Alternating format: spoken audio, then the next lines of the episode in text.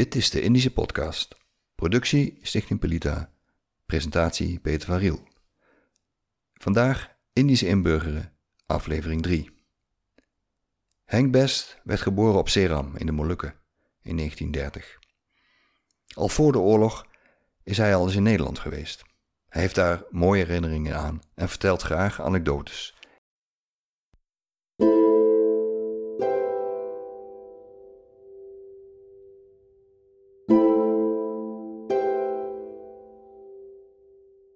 Tijdens de Japanse bezetting werd Henk met zijn moeder in Tjahapit opgesloten. Later ging hij naar kamp Baros, waar hij zijn vader opnieuw zou ontmoeten. Het bleek ook zijn geluk te zijn. Na de oorlog reisde het gezin in 1948 af naar Nederland. Het schip de Willem Ruis maakte grote indruk op Henk.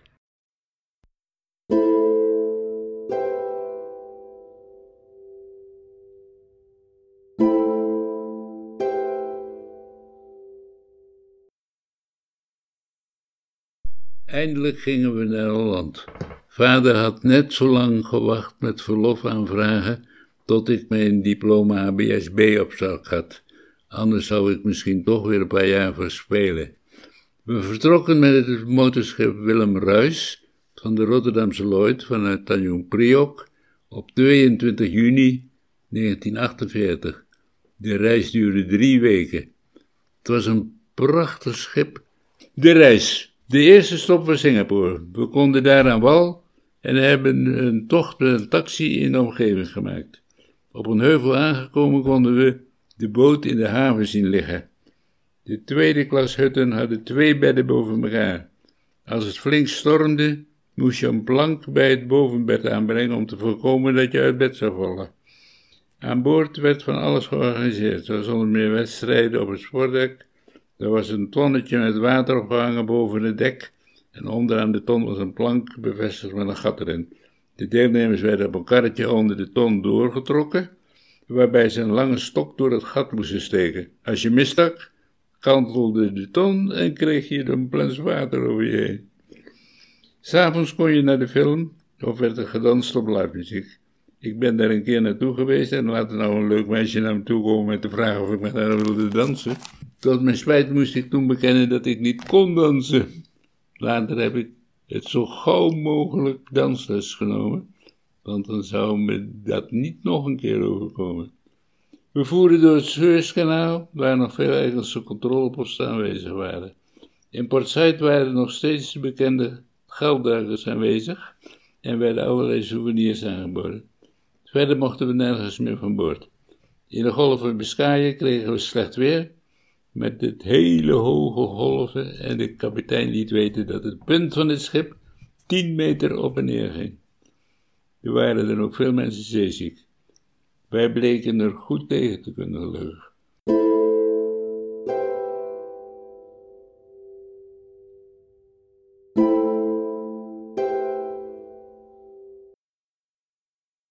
Henk vertelt over zijn eerste jaren in Nederland, over de diensttijd en zijn verdere carrière en leest voor uit zijn dagboek.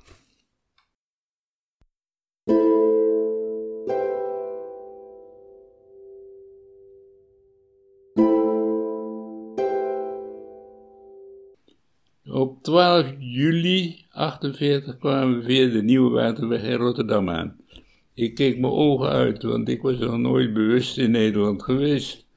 Het land was nog niet helemaal hersteld van de oorlog, want alles was nog op de bon. Wat ik heel vreemd vond in Nederland was dat alle huisdeuren gesloten waren. En als je ergens naar binnen wilde, moest je aanbellen. In India had je niet eens een bel.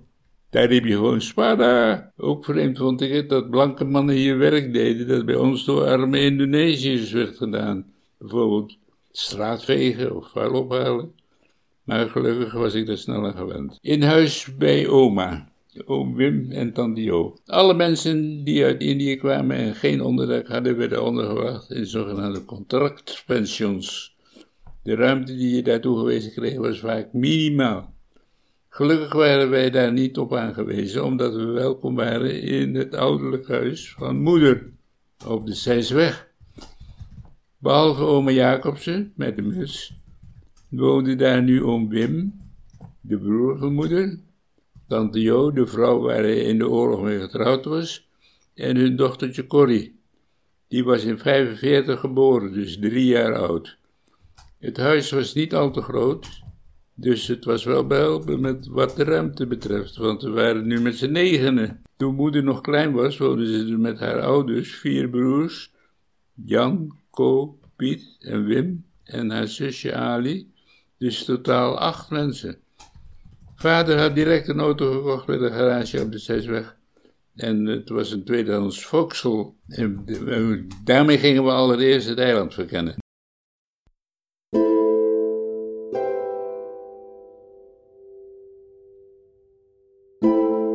De meidoornbosjes langs de wegen waren totaal verdwenen. Ook waren er door overstromingen veel kreken ontstaan. Het huis aan de Zesweg had trouwens ook ongeveer een meter onder water gestaan. Dat kon je zien aan een streep op de muren, want onder de streep was alles wit van het zout dat erin getrokken was.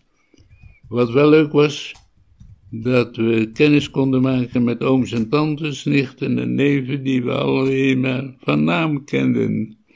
We hebben niet zo lang op de Zesweg ingewoond, omdat we vrij gauw een gedeelte van een huis op de laan van Vollehoven in Middelburg huurden. Dat was van een vrouw die alleen was en bijna nooit in het huis verbleef. Later, toen vaders verlof bijna om was, hebben we nog een tijdje in Den Haag een huis gehuurd. Dat was gemakkelijk, omdat vader een cursus moest volgen in het hoofdkantoor van de BBM. Ik weet niet meer precies hoe lang het verlof duurde, maar na afloop moest vader en moeder weer terug naar Indië. Oh, en Loes, die pas, één, eh, die pas elf jaar was, kon nog mee.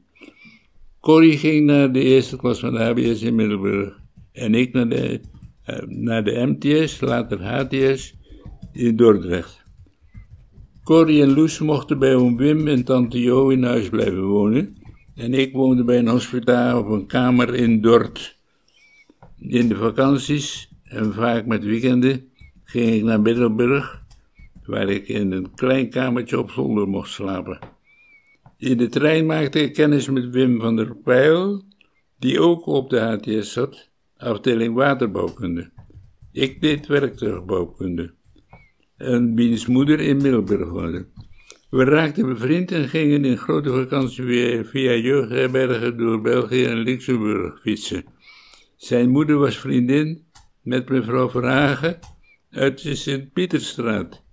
En die gingen vaak samen tennissen op de tennisbanen in Modderoors, in Middelburg. Op een dag gingen Wim en ik daar ook mee naartoe. Daar ontmoette ik Ineke, die met haar moeder mee was gekomen. We zagen wel iets in elkaar en zijn later getrouwd in Middelburg. In 1950 kreeg tante Jo nog een meisje dat Friet werd genoemd. Zij had nu dus wel haar eigen twee kinderen ook nog de zorg over twee pleegkinderen. Na het HTS-examen dat ik in 1952 haalde, moest ik in militaire dienst bij de technische troepen.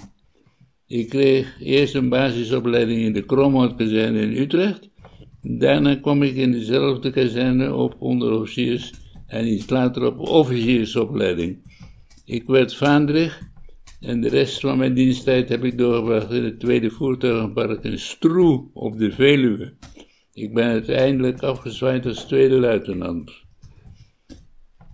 Toen vader in 55, 50 jaar mocht, nou, toen vader in 55, 50 jaar werd, mocht hij met, met pensioen en heeft hij een huis gekocht in Zeist. Hij liet de garage verlengen en richtte het achterste deel een werkplaats in waarin hij naar hartelus knutselde en allerlei apparaten voor de hele buurt repareerde.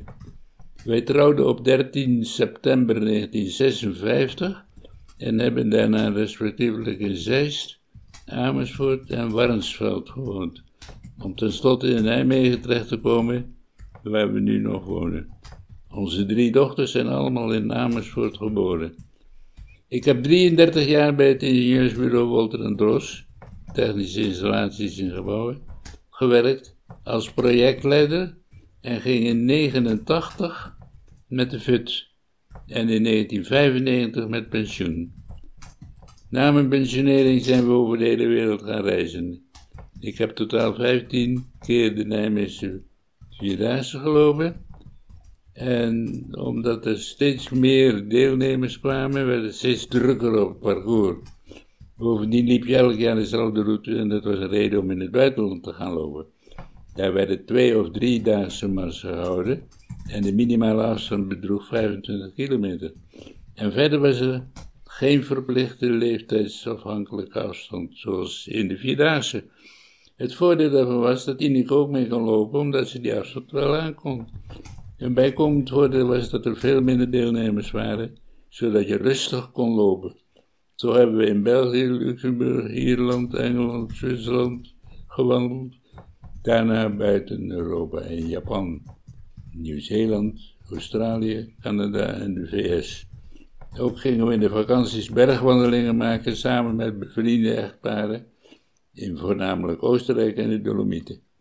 Verder zijn we met vakantie naar Oostenrijk, Italië, Frankrijk, Israël, Syrië, Jordanië, Libanon, Noorwegen, Rusland en Indonesië geweest. Op het moment dat ik dit schrijf, ben ik alweer 22 jaar geleden opgehouden met werken. Dan kan ik niet anders zeggen dan dat ik me er nog steeds prettig bij voel.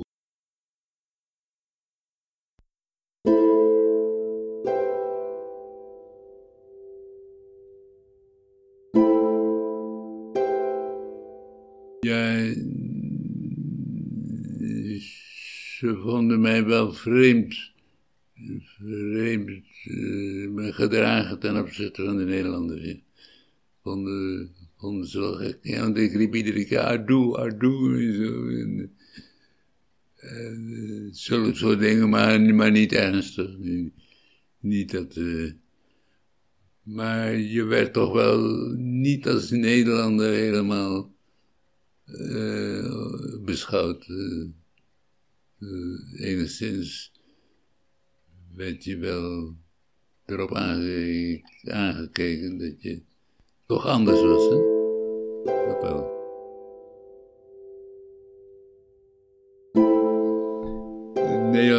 Nederlands-Indië is meer op de achtergrond gekomen zo langzamerhand. Hè?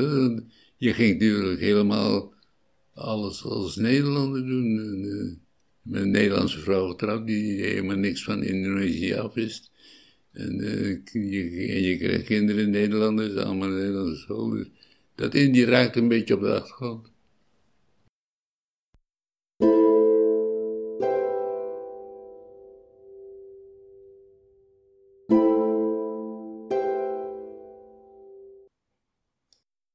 Dit was de Indische podcast.